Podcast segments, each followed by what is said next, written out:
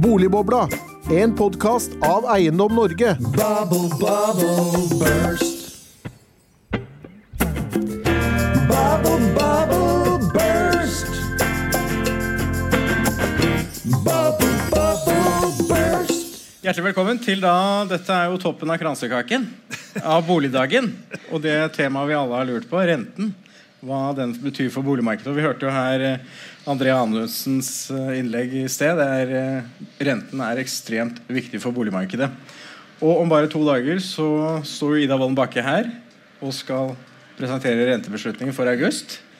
Da Den sto her for to år siden. For første, eller Øystein Olsen faktisk sto her for to Tre år år siden. siden. Var det tre år siden? Første gang dere var her. Ja. Så var renten null.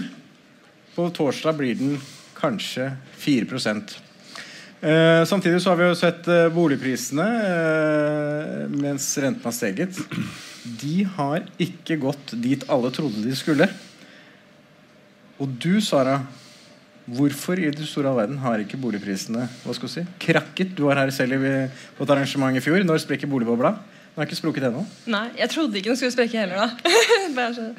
Nei, jeg tror nok at eh, generelt da, norsk økonomi har vist seg å være ganske motstandsdyktig. Og mye mer motstandsdyktig enn veldig mange hadde trodd. Eh, Det er nettopp derfor også renta har steget så mye som den har gjort. og ja, jeg tror veldig få så for seg for to år siden at den skulle nå havne opp på 4 etter hvert.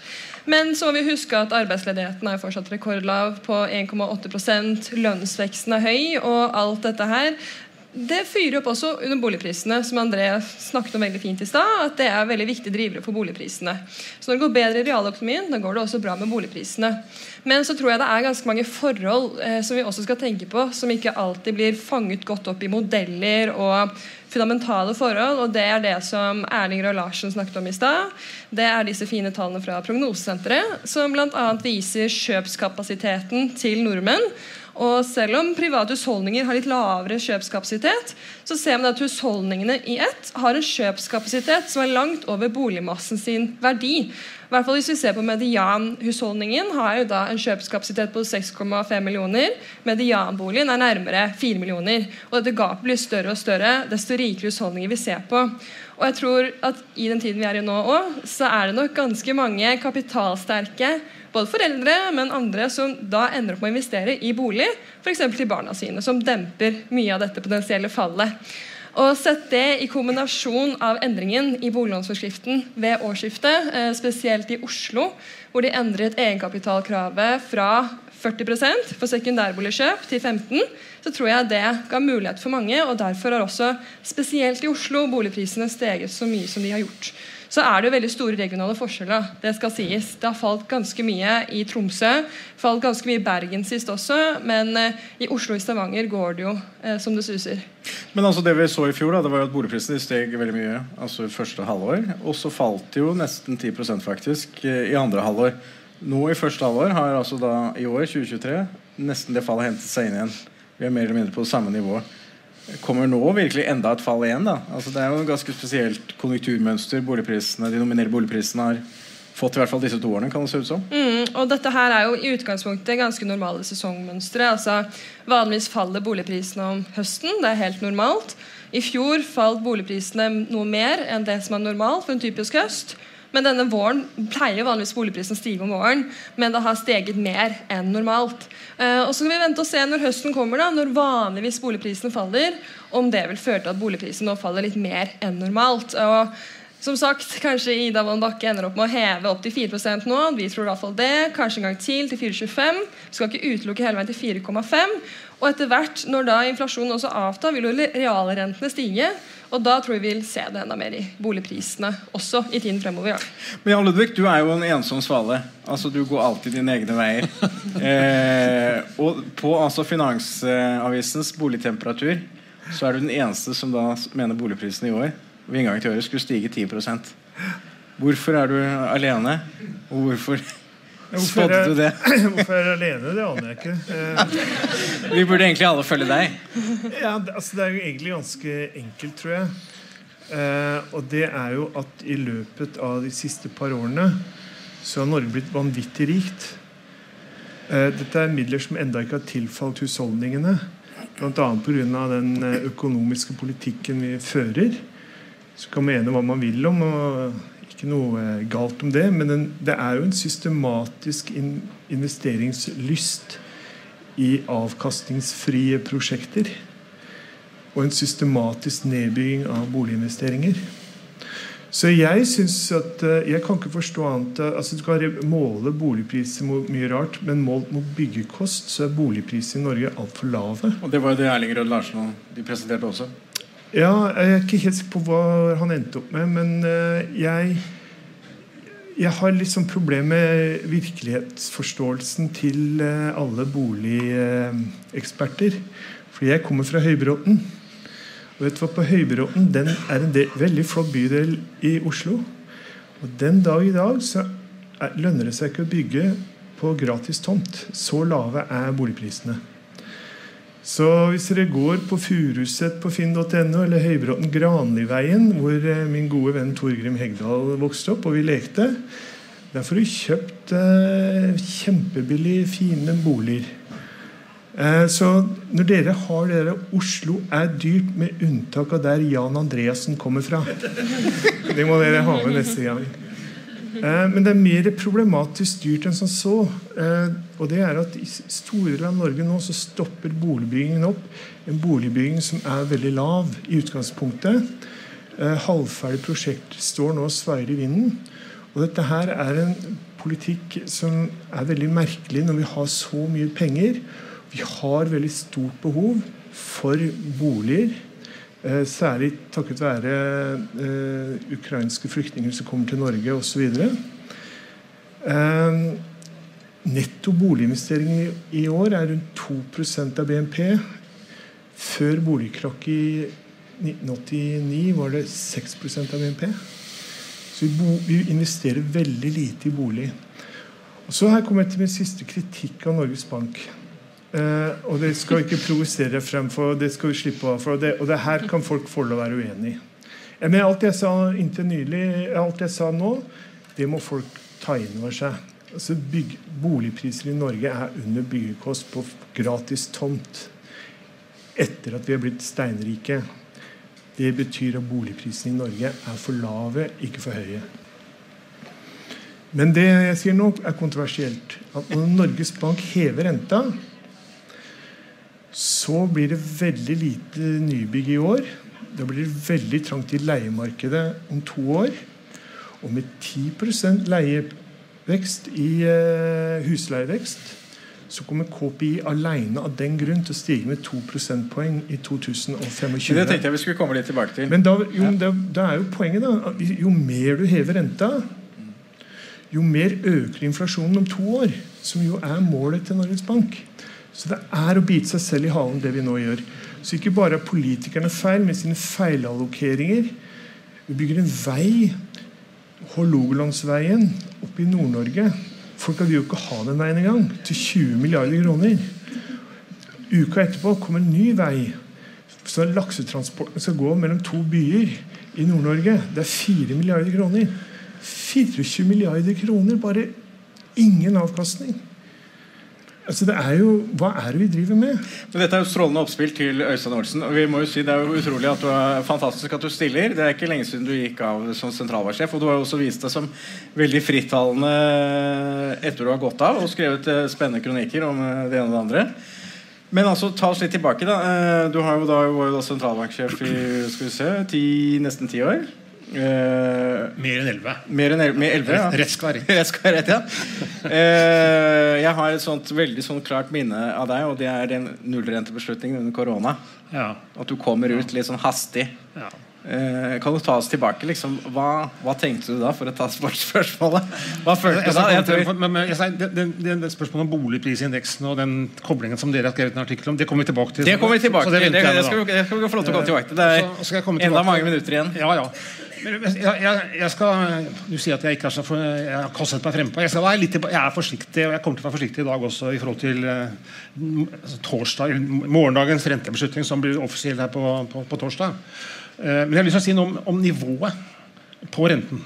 Det har jeg skrevet en annen artikkel om. Uh, og Det er en debatt der om, om, om det var riktig, var riktig å heve renten. Det har jeg uttalt meg støtten til på den måten at jeg, jeg har skrevet en artikkel hvor jeg har kalt det som et paradoks. Og det er et paradoks, mener jeg. At i, i min tid som sentralbanksjef så følte jeg nesten at jeg ble en populær sentralbanksjef. For når jeg, jeg traff en del folk på gaten og ble gjenkjent. Og, ni av ti som jeg traff, sa du gjør en glimrende jobb. En sentralbanksjef bør ikke være populær, er det det du mener? Fortsett å holde renten lav. Det, var- det var liksom standardkommentaren jeg fikk. Eh, men også, og nå er det en større debatt rundt eh, det. Og det paradokset det er at, det, at renten er null, eller nær null, det er jo unormalt. Det er skadelig i det lange løp. Det fører til at prisen på å låne penger er, er, null eller negativ. Og det, og det skaper den type kan skape bobler. Mens, mens nå, etter at eh, Ida Wolden Bakken Norges Bank fortsatte å sette renten opp. Jeg vil si at jeg startet den prosessen. til Du lente deg mot vinden, var det ikke det du kalte det? Ja, nei, da, da ble jeg kalt hauk, for øvrig. Men, men den, den, den renten vi har, har nå, den, den er jo mer normal. Og alt annet, og mye annet i økonomien er normalt. Det, det, det er stramt arbeidsmarked. Det er, det er høye renter rundt omkring oss, og inflasjonen har kommet opp på de nivåene. Så det å, det å problematisere dagens nivå, uansett jeg uttaler meg ikke om 25 eller 50 punkter pluss eller minus, men, men at renten nå er mye mer normal, og sånn sett er, er mye mer normale tider nå enn det var i min tid. Og Det skulle man ikke tro gitt debatten. Og, og forslag om eh, forskrifter av mandat i pengepolitikken osv. Det syns jeg, jeg er et paradoks. Men- Og så men- til- jeg har ikke svart på spørsmålet. Du har ikke svart, det var derfor jeg ville Nei. gjenta det. Men det var Ja. godt du husket det. Ja, ja altså, det var i, da, da, da koronaen traff i mars 2020, så, så hadde vi i Norges Bank lyktes vil jeg si, i, i en lavrenteverden å liste oss opp, hensyn tatt til valutakursen, fra 50 punkter, som den var på den laveste da vi, etter at oljeprisen falt i 2014-15, til 1,5% Det var styringsrenten før, altså i februar. Og Vi hadde planer om å sette den videre opp. i hvert fall holde den på det nivået. Det er ikke så lett å komme veldig mye høyere når alle andre sentralbanker holder renten på null. Men så kom koronaen. Og det var altså tidenes tilbakeslag. Det, det, det mente i hvert fall vi, og det mente de aller fleste. Og det var, det er til, var til dels det. Og usikkerheten var enorm. Alle sentralbanker gjorde det de kunne for å kaste på køl for å stimulere økonomien. De som hadde noe å gå på i forhold til rentesetting, de satte renten ned, gjerne under null. Og I tillegg så pøste de ut likviditet i markedet for å stimulere andre renter.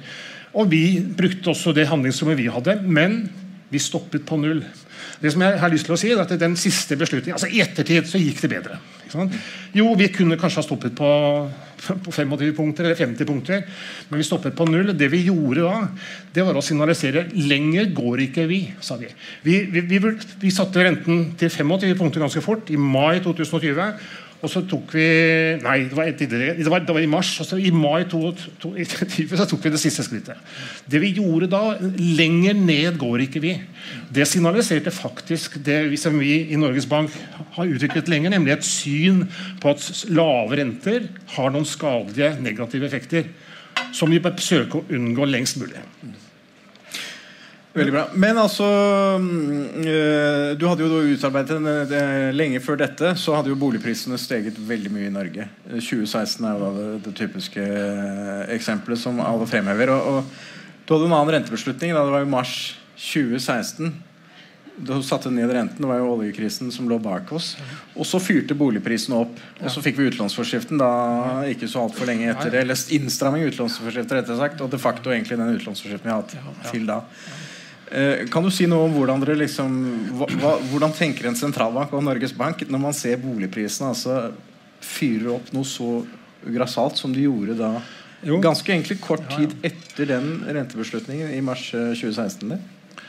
Altså, jeg synes Det er veldig hyggelig og interessant å høre på to unge tidligere medarbeidere av meg. faktisk, Erling Rød Larsen og André Anundsen. Sistnevnte jobbet i Norges Bank. Ikke, ikke så langt unna denne tiden. Eh, Og den type analyser som han presenterte, nemlig at det, renten virker skarp på, bolig, på, bolig, altså, skarp på boligpriser, det var vi klar over.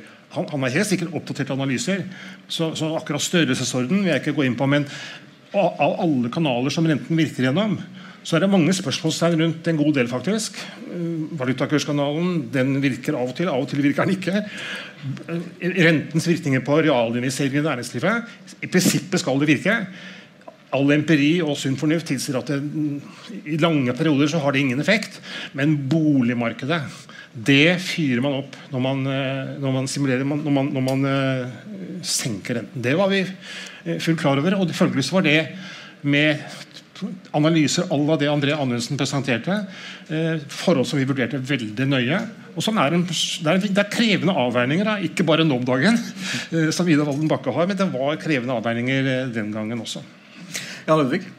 Nei, altså det Når jeg kom hit, så tenkte jeg jeg skulle ta denne introen.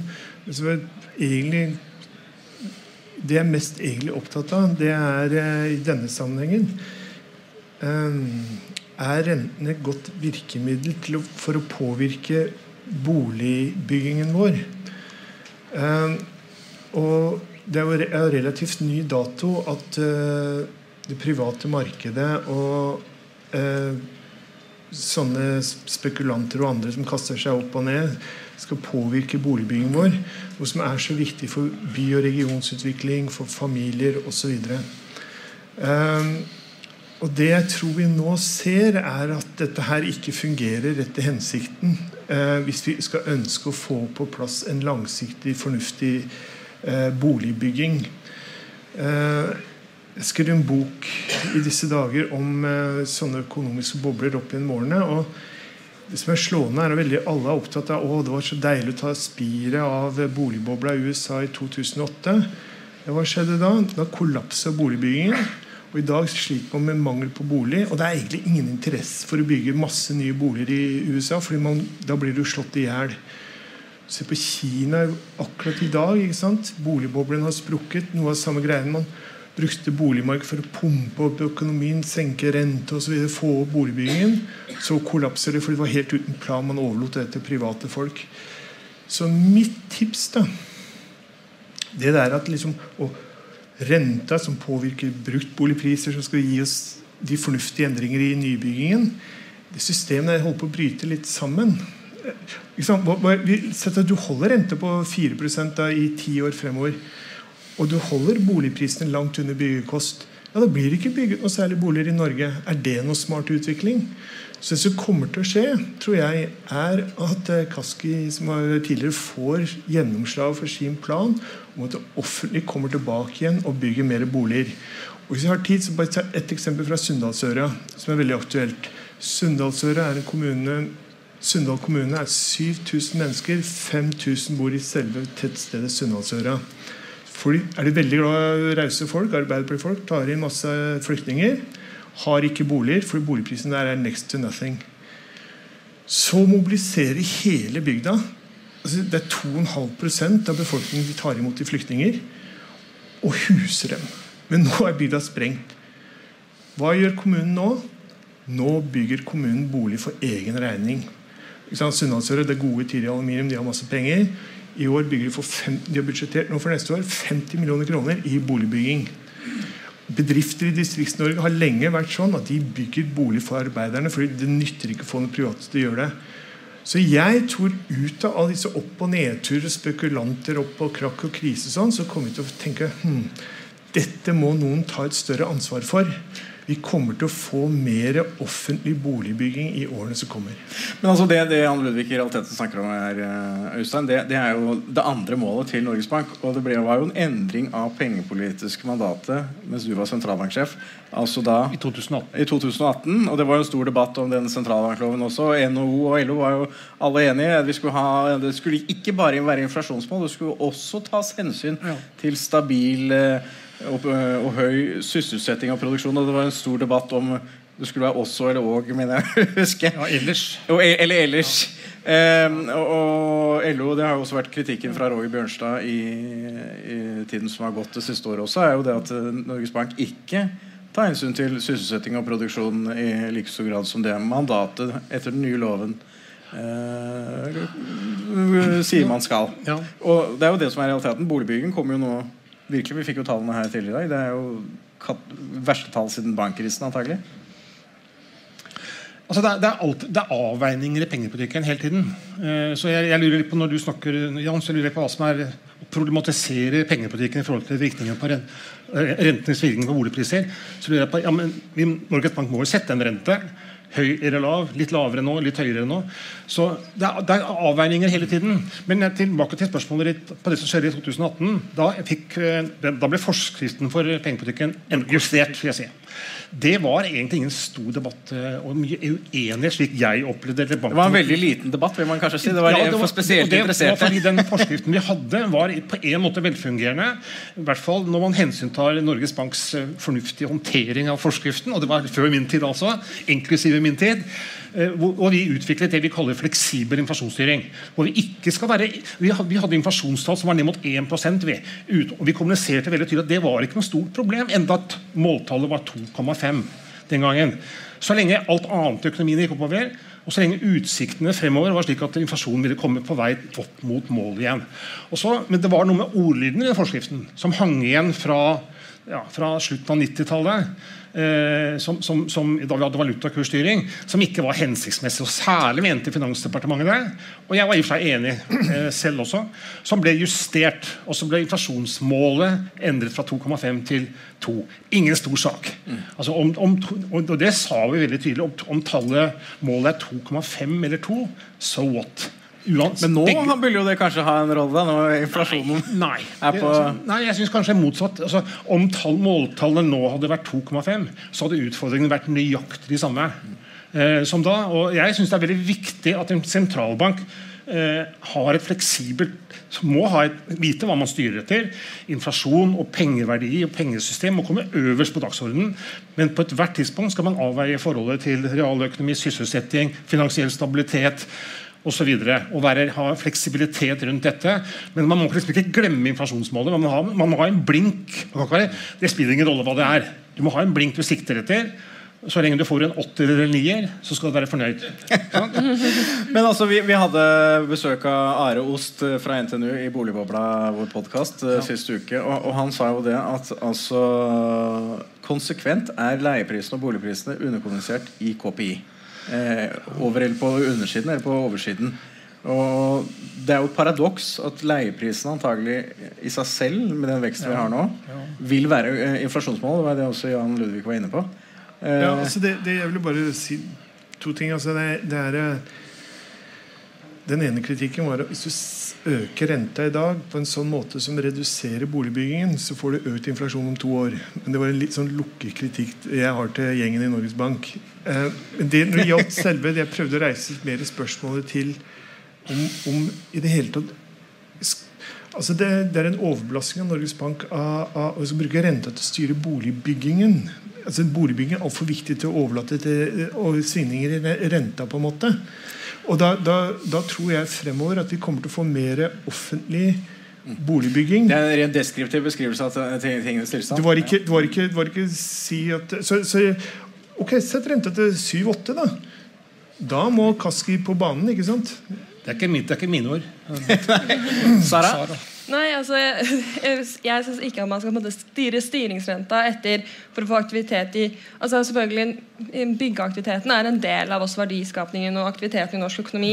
Men det er ikke det eneste Norges Bank skal styre etter. Og ref det André Anundsen sa for nå en time siden, halvtime siden. Hvis uh, hypotetisk sett Norges Bank skulle nå ha satt ned rente, eller hatt veldig lavere rente enn det man har i dag, da, som hadde gjort at boligbyggingen kanskje hadde tatt seg opp, boligprisene hadde tatt seg enda mer opp, jo, da vil man jo neste uh, stikket Vi får høy inflasjon, og da kan man igjen få et ganske større boligpriskrakk på sikt. Så man har jo høy eh, rente nå for å hindre en altfor høy gjeldsvekst og eh, oppbygging av finansielle ubalanser. Og jeg er ikke ferdig. Og så må vi også huske det at bolig, altså byggekostnadene har økt veldig mye de siste to årene. Så det du sier med at ja, men det er, eh, altså boligprisene er altfor lave gitt byggekostnadene og det det koster å bygge, så må du ikke glemme bakteppet her at grunnen til at det er dyrt å bygge, er fordi vi har hatt en veldig høy inflasjon. Råvareprisene har steget som bare det. Nå har man ser råvareprisene avtatt, veksten har avtatt, lønnsveksten er høy, og det er nettopp derfor det ofte er dyrt å bygge. Så hvis de ikke hever renta for å prøve å dempe det, problemet, så du, da blir det jo alltid boligprisene for lave gitt byggekostnadene.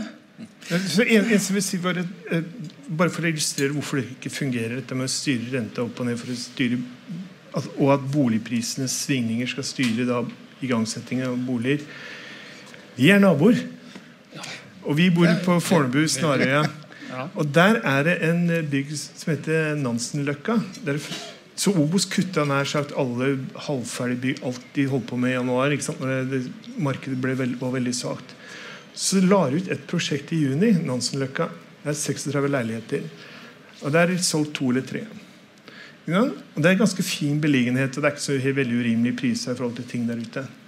På nabotomta, der hvor den der ulykkelige Fornebubanen skal ende, for å få i gang det, få landa det prosjektet som en tomtebelastning på flere milliarder kroner, der skal det bygges høyblokker med boliger. Og Det er jo ikke en eneste av dem som det er mulig å selge med kombinasjonen av dagens rente og dagens boligpriser. Og det er igjen, liksom, Hvis du tenker litt sånn overordnet Vi som samfunn Vi putter 30 milliarder i en sånn Fornebubane. Fordi der skal det bli en by. Men oi, så har vi stelt oss på eh, en eller annen pussig måte i andre sammenhenger som gjør at den byen kan ikke reises. Og så står det der, og gresset gror, osv. Altså, det er jo noe med at jeg tror på et eller annet tidspunkt så kommer det til å bli mer overordnet styring av by og region. Det du egentlig sier, er jo at det kommer et regimeskifte. Det kommer et regimeskifte. Øystein? Ja, altså, jeg er helt enig i det Sara sa. om at eh, Jeg prøvde også å få frem at eh, boligmarkedet husholdningens høye gjeld er en veldig viktig kanal når man vurderer rentesettingen. Men det er, jeg er helt enig Sara, det er ikke den eneste. Og, og, sånn, og Valutakurskanalen er der. Men så renten det ikke jeg forstår helt Jan, Jeg får nesten inntrykk av at du mener at renten skal styres enda mer etter boligmarkedet enn det som Nei, nei, nei, egentlig Norges Bank legger gjør hva dere vil med rente, men okay. da må politikerne gjøre Politikerne må liksom skjerme boligbyggingen fra svingninger i renta og pussigheter i så måte. Og så er det jo litt sånn da at eh, Jeg skal ikke ta mine renteprognoser så på alvor. Jeg er jo kjent liksom for å treffe alltid på renta not. Så jeg skulle ha renta ned hele tida, og så fordundrer det meg. I en mai så var jeg den eneste som sa renta ikke går i null. Og hva gjør du da? Du setter det i null! Så fikk jeg feil da òg. Ja, men det er jo, det er jo, er, dette her er jo litt sånn Sånn gjorde vi det ikke før. Jeg snakket med Martin Mæland. Gamle dager, Vi sto på en høyde i Oslo med byplanlegger, og så sa du her skal vi bygge. Og så bygde man byer. Det var sånn vi hadde høy boligbygging. Nå har ting egentlig gått på tverke av mange pussige grunner. Men Men er, en ting som i hvert fall er forskjellig, da, det, det er jo det at renten den, i hvert fall setter beslutningene, så synes den jo å endre seg hyppigere nå enn det den gjorde tidligere. Og det er jo noe jeg så Steinar Holden skrev nå også. Kanskje bør man vurdere i fremtiden holde renten mer i ro.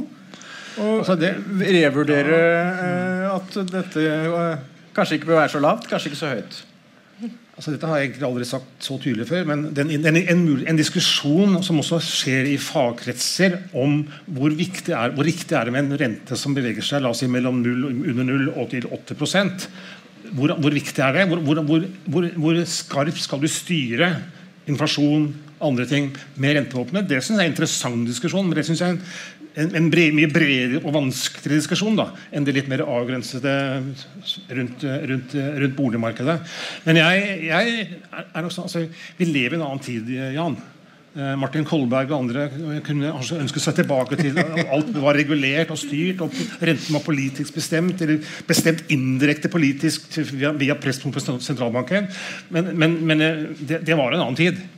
Og jeg, jeg, jeg personlig tror jeg ikke det. Jeg tror ikke, det, jeg tror ikke man løser summen av alle utfordringer og problemer på den måten ved å regulere ulike typer markeder, inklusive Norges Banks rentesetting. Da vil jeg Men, men nå må Sara ja. Takk. Nei, angående, Det virker som at du har en litt mer politisk debatt enn liksom, pengepolitikk. Jeg vil ikke si det er Norges Bank og pengepolitikken sin skyld ene og alene at boligbyggingen nå er så lav. Det er jo et veldig stort politisk problem òg. Så det er jo mer sånn da endrer man jo diskusjonen til å bli mer politikk. da. Selvfølgelig det er et problem om Boligprisen vil sikkert stige om to år fordi det er lav byggeaktivitet, men det er ikke Norges Bank sin feil ene og alene. Da må man også se litt mer mot politikken, ikke bare rentesettingen. Ja, det- Og angående, angående det å endre mye rente nå da, enn det man gjorde før Vi skal jo også huske at Vi lever nå i en tid som er veldig annerledes enn det det var for mange år siden. Vi har mye mer eksogene sjokk, altså uforutsette sjokk. Man ser alt fra både starten av pandemien Hvem hadde forutsett det? Det var veldig stort sjokk for sikkert alle sentralbanker og husholdninger. Så kommer det et nytt sjokk med en veldig høy inflasjon. Og nå kommer det også flere sjokk med både ekstremvær, vi ser hvordan det påvirker realøkonomien, med klimaskifte osv. Så, videre. så det er ganske mange ukjente. da, Og nå med lav aktivitet i Kina. Det er jo så mye som skjer i verden. og jeg tror Derfor vil jo også pengepolitikken variere mer, kanskje. Fordi, fordi vi lever i en verden hvor veldig mye uforutsette ting skjer. da. Øystein? Altså jeg, for å være enda tydeligere enn det jeg sa i forhold til vari- variasjoner eh, Vi må ha en uavhengig sentralbank som, hvor, hvor systemet for å sette renten er som, som nå. Det er i hvert min mening. Men jeg er enig at hvis vi går 10-15 år tilbake, tilbake til finanskrisen i 2008 og helt frem til omtrent jeg gikk av, og det hadde ikke noe min avgang å gjøre, så kom renten internasjonalt altfor lavt og ble der altfor lenge. Gjennom ulike konjunkturer og sykler. Og jeg, ja, jeg snakker særlig om den europeiske sentralbanken, som holdt renten under null gjennom en oppgangskonjunktur. Hvor ledigheten i alle fleste land kom langt, ganske langt ned, men inflasjonen var below the target. Eh, på 2% Det syns jeg var en alvorlig feil. Og det binder veldig mange andre sentralbanker. Og det, fører, og det fører for øvrig til i en situasjon som vi hadde, at det blir et slags race to the bottom. i forhold til via, Den gangen var man redd for at, kron, at valuta skulle styrke seg for å presse inflasjonen nedover. Og så holder det, holder det alle sentralbanker, de store også, fra å heve renten. Det var en alvorlig Men altså, feil, jeg. Eh, Jeg må bare si det at Gjennomgangstonen i alle foredrag i dag, fra sykepleierindeksen via han der kameraten som skal ha gamlehjem inn i bykjernen osv. Alt det er jo at det, i fremtiden så må det offentlige ta en større rolle. Og Hvis du tenker på liksom mer smått og stort, altså på Fornebulandet, la ned flyplassen og sånn, vi har putta i nesten 100 milliarder kroner der. Private, offentlige, og kommune og stat. Og så står du der og ser på gresset gror. Altså, det er jo et tegn på markedssvikt. Men altså, dette er jo egentlig litt eh, også i tråd med det du også sa i noen av dine årstaler, Øystein. Altså at uh, finanspolitikken må gjøre mer av jobben med å stimulere økonomien. Eh, når Ja, renten var så lav. da refererte jeg kanskje ikke så mye til Norge.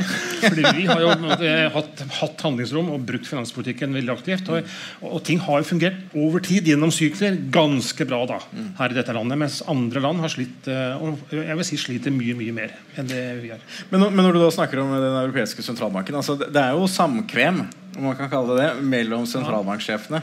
Eh, dere møtes jo og, og snakkes. Ja. Eh, snakket man ikke om at Nei, kanskje dette ikke var så lurt eh, å, å drive og bevege seg ned i dette territoriet i det hele tatt eh, i etterkant Ja, av det- finanskrisen og det de er- kvantitative lettelsene og, og Altså, så det er- all den kreativiteten. da, vil jeg si to, det. da vil si to ting. Det er, det er, hver sjette uke så møtes, møter sentralbankene og Det er 50 sentralbanksjefer i BIS i Basel. Og det er, det er det beste møtene jeg har vært på. Det er åpne diskusjoner. Men det er to ting. Som liten, lite land man har litt respekt. Jeg snakker ikke akkurat med like store bokstaver der som jeg gjør nå. Så man, man, har, man har litt respekt for uh, hvilke problemer overordnet Japan og, og, og Mario Draghi slet med. Altså Mario Draga for øvrig Han gjorde en kjempejobb i 2011-2012. Så jeg snakker ikke om de årene, men jeg snakker om fortsettelsen der. Den syns jeg var betenkelig på den måten at de, han holdt og de holdt renten altfor lav. Men så er det jo da en union. da Består av en del land, og han, liksom ikke, han, ikke, han kan ikke gjøre og består av land som er, er som kanskje ikke tål, Noen land tåler ikke så mye høyere renter. Tenkte man den gangen i hvert fall. Italia, Hellas tålte jo ikke lave renter engang. Eh, så, så det, så, så, men men det, er en, det er en fri og åpen diskusjon. Og jeg har hørt um, små og mellomstore land ytre seg ganske skarpt i disse møtene. I lukkede møtene, interne møtene. Men altså, det var jo noe nytt egentlig som kom fra Lagarde nå på siste rentebeslutning. og det var jo det at eh, Hun refererte til konsumprisindeksen og eh, altså den sticky profittmarginen til bedriftene. Ja. Altså at antagelig KPI ikke kommer ned fordi at da bedriftene setter opp sine profitter, og de vil prøve å gjøre alt de kan for å beholde Altså, det er jo delikat eh, er Indeksregulering overalt, Ja. også på ja, også på leiepriser. Ja, ja, altså, det er jo ikke, det er ikke gitt at det er noen sammenheng Eller svak sammenheng mellom renten og konsumprisene. Nei, altså, apropos det, da, så vil man jo tro etter hvert der, altså, Når husholdningene får mindre og mindre kjøpekraft ved at rentene blir satt opp, så vil det også etter hvert gjøre at bedriftene kan ikke ta hva de vil i profitt. De har kunnet gjort det fordi det har vært mye mersparing fra pandemien. Både i Norge, i eurosonen og spesielt i USA.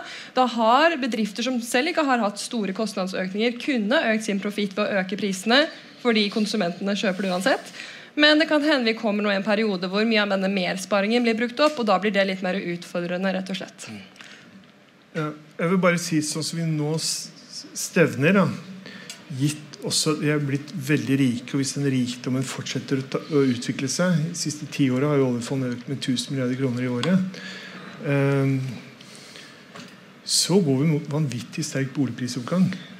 Så jeg tror faktisk at boligprisene boligprisen allerede i høst kommer til å stige. Fordi folk kommer til å begynne å vedde på Nominelt eller sesongjustert? Eh, nei, nominelt. At, eh, fordi eh, folk kommer til å begynne å vedde på boligmangel. Eh, og jeg følger med på ukentlig basis, og augusttallene i hvert fall for Oslo og eh, særlig eh, Sandnes-Stavanger er veldig sterke.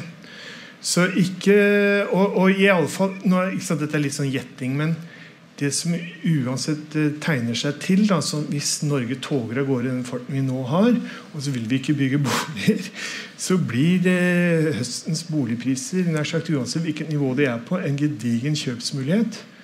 Eh, særlig gitt at vi ligger langt under langsiktig grensekostnad for boligbygging. Spesielt på Høybråten. Øystein? Altså, jeg, jeg, er tilbakeholden med å spå om, eh, om, om, om boligprisutviklingen fremover. Jeg, altså, man- blir alltid litt overrasket over hvordan boligprisen utvikler seg. Man greier ikke, og Det er få av oss fall som greier å spå helt nøyaktig om det. Eh, Det Handelsbanken er veldig flinke, da. Det må jo sies. ja, med, med noen unntak. Med noen unntak. Med noen unntak. Med noen unntak. Også, men uh, boligprisene Jeg kunne nok tenke for et år eller annet siden at boligprisene skulle få en, nominelt skulle få en sterkere reaksjon gitt den renteoppgangen som kom og var på vei og ble varslet, enn det som har skjedd. Men så, i tråd med det som har vært sagt flere ganger her nå, så, så har norsk økonomi også generelt eh, vært vist seg mer robust. Og så kommer jeg litt tilbake til det spørsmålet som jeg stilte, dette paradokset i i Dagens Næringslivs artikkel da, som jeg skrev der, eh, er, altså, hvor, hvor er, er, renten nå veldig høy? Er, er realrenten nå veldig høy? Sett i forhold til det så mulig vidt- rentebeslutning, så er den jo fire ganger så høy. Da, eller mer enn det òg. Jo, men realrenten så det, det, var ikke det noe veldig klart begrep. men det, jeg vet at sånne realrenteobligasjoner de har, de har en positiv realrente. Men nominell lønnsvekst 5-5,5 eh, Faktisk inflasjon enda høyere. Un- Underliggende inflasjon enda høyere. Og så kan du si nei, vi skal putte inflasjonsmålet når vi, vi nevner når vi snakker om realpris, eh, realrente. Men det er ikke noe enkelt eh, det er ikke noe enkelt stoff. Det, er det er ikke så mange lønnstakere og folk som kjøper bolig, som putter inflasjonsmålet vårt som tenker på de, Jeg tror ikke de tenker realrentetermer i det hele tatt på kort sikt. da. Over tid så gjør de nok det. Men eh, rentene er ikke så høy. Nå, Det, kan er gå, det er mer enda mer å ta av. Altså, nå er på Ja, det sa jeg ikke. Jeg, jeg, jeg har sånn der, eh, argument som 'while we were sleeping'. Altså ting man ikke merker som tiden går. Og En av de er jo vi har blitt langt flere pensjonister. Og det man skal merke seg er jo For det første har jo pensjonister penger på bok. Og de har jo fått økt De har spart, ja. De har fått økt penger den veien. Så er det vanvittig høyt pensjonsoppgjør i år. 8,4 Og så i tillegg, eh, forhold til sist finanskrise Da hadde jo nordmenn eks oljefondet 1000 milliarder i eh, utenlandske fond. Eh, nå har vi, Ved årsskiftet hadde de 3000 milliarder. Og jeg, jo, jeg har jo ikke sånn god eh, statlig pensjon som du har. Så jeg må spare privat. Og så har jeg det sånne utenlandske fond. Og jeg var helt sjokka over hvor mye de greiene hadde steget i løpet av første halvår. Jeg tror aldri jeg har sett så sterk vekst i de der fondene. fordi det var jo kombinert kursoppgang ute pluss valutakurssvekkelse. ikke sant? Så jeg, jeg tror man må tenke litt på at Norge er blitt veldig rikt. altså. Det er... eh, jeg, jeg alltid står, han, Statsministeren sier vi skal stå av nå. Bare vi skal stå av her. Er det noe, Stå han av, Ja. ja, altså, Vi er jo blitt veldig rike. Det er ingen st Ta en tankeeksperiment. Ta frem mobiltelefonen, slå inn nbim.no. Se hva det er. Vi kan bruke 3% av det over oljefondet og ha overlatt masse til fremtidige generasjoner. Ta den øvelsen. eh, Se hvor mye penger det er. Men, men sett i lys av det, så kan altså både boligprisen være mye høyere og renten være enda høyere. Vi har sett den til 7-8, da. så det er det du vil. Men da må du bygge, da må det offentlig gripe inn. Og jeg tror uansett at offentlig må gripe inn. Jeg, jeg er ikke sikker på om vi kommer til å oppsummere at de der frislippet av boliger siden 85 har vært en ubetinga suksess. Det er kanskje en annen debatt. Men altså, det, gitt det Jan Ludvig sier, så er det mye å gå på på boligprisene. Ja, Også men- antagelig kanskje i det korte bildet også. Jeg tror ikke det korte bildet. Vi ser jo det at det ofte er veldig tett sammenheng mellom gjeldsvekst hos norske husholdninger og boligprisutviklingen. Det er litt lag på boligprisene, og nå har gjeldsveksten klart tatt seg godt ned hos norske, norske husholdninger. Så mot høsten tror jeg boligprisene vil falle, som det nesten alltid gjør hver høst. Og litt mer enn det også, men ikke noe dramatisk fall i det hele tatt. Men eh, når vi kommer mot etter hvert 2024 og i 2025, så blir jeg litt mer enig med Jan Ludvig Andreassen at den eh, knappe boligbyggingen vi har hatt spesielt gjennom fjoråret i Oslo, og at det har vært veldig høy befolkningsvekst og spesielt innvandring, vil etter hvert gjøre at boligprisene vil skyte fart igjen fra 2024-2025, men da vil det ta seg opp mer. da. Men i det korte bildet så tror jeg nok jeg er litt mer, litt mer pessimistisk. da. Jeg håper Ja, du får rett, men Eh, Korte bildet er Du har helt sikkert mer rett jeg, men think about it, people. Altså, hvis vi skal ha liksom oljefondet skal ese ut, og vi skal ha 3-4-5% lønnsvekst over flere år nå, og så skal det ha nominelle boligprisfall eller noe sånt altså det er just not gonna happen. Så kan det hende at verden går annerledes, og alle børser krekker, og det er krig i Taiwan osv. Så, videre. så det er, finnes scenarioer hvor ting går gærent. det er ikke det. Men på litt sånn forventningsbasis så kommer jo Norge til å gå, bli mye rikere i årene som kommer. Øystein? Ja, det, altså hvor, mye vi, hvor mye enda mer rikere vi blir, det, det, det, skal ikke jeg spå om. Men, men altså, i et perspektiv her, og jeg føler at du innimellom har det et, et lengre perspektiv i tankene, så er det klart at det, jeg tror, ingen, jeg tror ingen generasjon kommer til å oppleve den velstandsveksten, inntektsveksten, reelt som uh, vi som levde her, som har levd her fra 1995 omtrent. Og la oss si til, uh, ja, til oljeprisen falt rundt 14-15. Særlig den perioden. Etter det, men da, da, det nivået er høyt, og det lever vi godt på og med. Eh, Etter det så har jo ikke realinntektsveksten vært veldig høy. Den har vært svak, egentlig, vil man kanskje noen påstå. Ja, har vært svak. ikke sant? Og, og det, det, det, det er ganske åpenbart. Jeg er også overrasket over at det har gått såpass bra med husholdningenes konsum, og boligprisene holder seg oppe nå, til tross for at det er jo mange nå som må slite. Med, ja, nå er strømprisene kommet ned, men lenge så var strømprisene veldig høye. Selv om vi fikk strømstøtte. Og, og, og, nominelle, høye nominelle renter med det, den gjelden som norske husholdninger har. Det er klart, det biter. Det er ganske enkle regnestykker. Eh, og vi merker det jo i, i, i, i omgangskretsen og, eller i familien. Eller, vi har mange nå som sliter med høye lån. Så, så hvor, hvor sterk inntektsveksten fra et høyt nivå blir fremover, det jeg, jeg tror snarere vi, Norge kommer til å være mer som andre land. Vi må basere vår fremtidige vekst mer på andre faktorer, og ikke eh, at vi tapper fra fra, fra oljefond, for Det kommer ikke til å skje, tror jeg. For det blir fremtidige generasjoners sparekapital. Men for å bare avslutte litt, et par minutter igjen med finansiell stabilitet. Altså, det er jo det som egentlig er det store uromomentet. Vi møter jo IMF annenhver to ganger i året i Eiendom Norge. Og det er jo gjeldsveksten hele tiden de er bekymret for. Ja. Men altså kredittveksten nå er jo den er jo virkelig på vei ned. Og Historisk den er lav, historisk lav, i hvert fall i eh, mer sånn moderne tid. Mm. Eh, og, da, ja, og det andre, det, det, det er jo at gjelden blir jo mindre når eh, lønningene stiger. da Se på de der tabellene til IMF nå. Av vår nasjonalinntekt sparer vi 40% i året. Altså, Hvor mye er det poden trenger, da? Vi har allerede skal, Det er 15 000 milliarder der, og så skal vi fortsette å spare 40 av inntekten vår hvert år. Samtidig som folk lider og boligpriser faller. og sånn. Hva er du det vi vil ikke ikke at med? barnebarna dine skal få pensjon? da? Er det det du tenker? Altså, det er jo tre millioner per hode. Det er jo så vanvittig mye penger.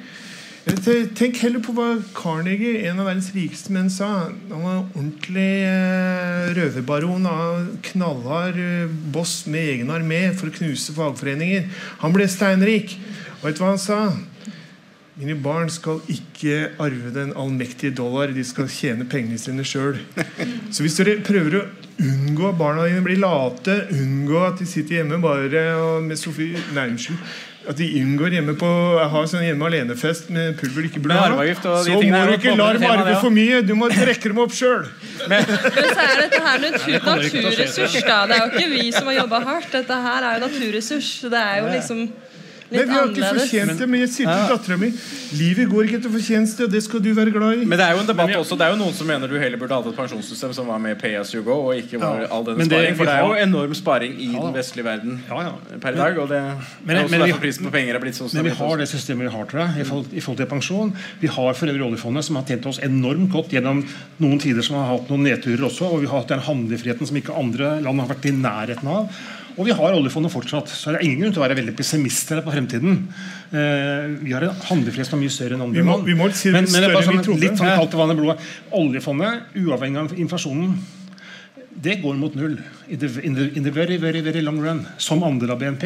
For så, så frem du får fart på økonomien, så, så, så vil oljefondet synke gradvis for mindre og mindre betydning for norsk økonomi. Og Det er en, faktisk en liten viktig erkjennelse som jeg tror langt på vei har sunket inn hos politikerne. Så ingen, ingen land kan leve som rentenister. Det funker ikke i det lange løp. Ja, de skal brukes opp som Carnegie. Nei, altså det, Han ga det bort, faktisk. Han, ble, han kom på bedre tanke på sine gamle dager. Han ga det bort til, til kirker. Han bygde kirkeorgel over hele verden.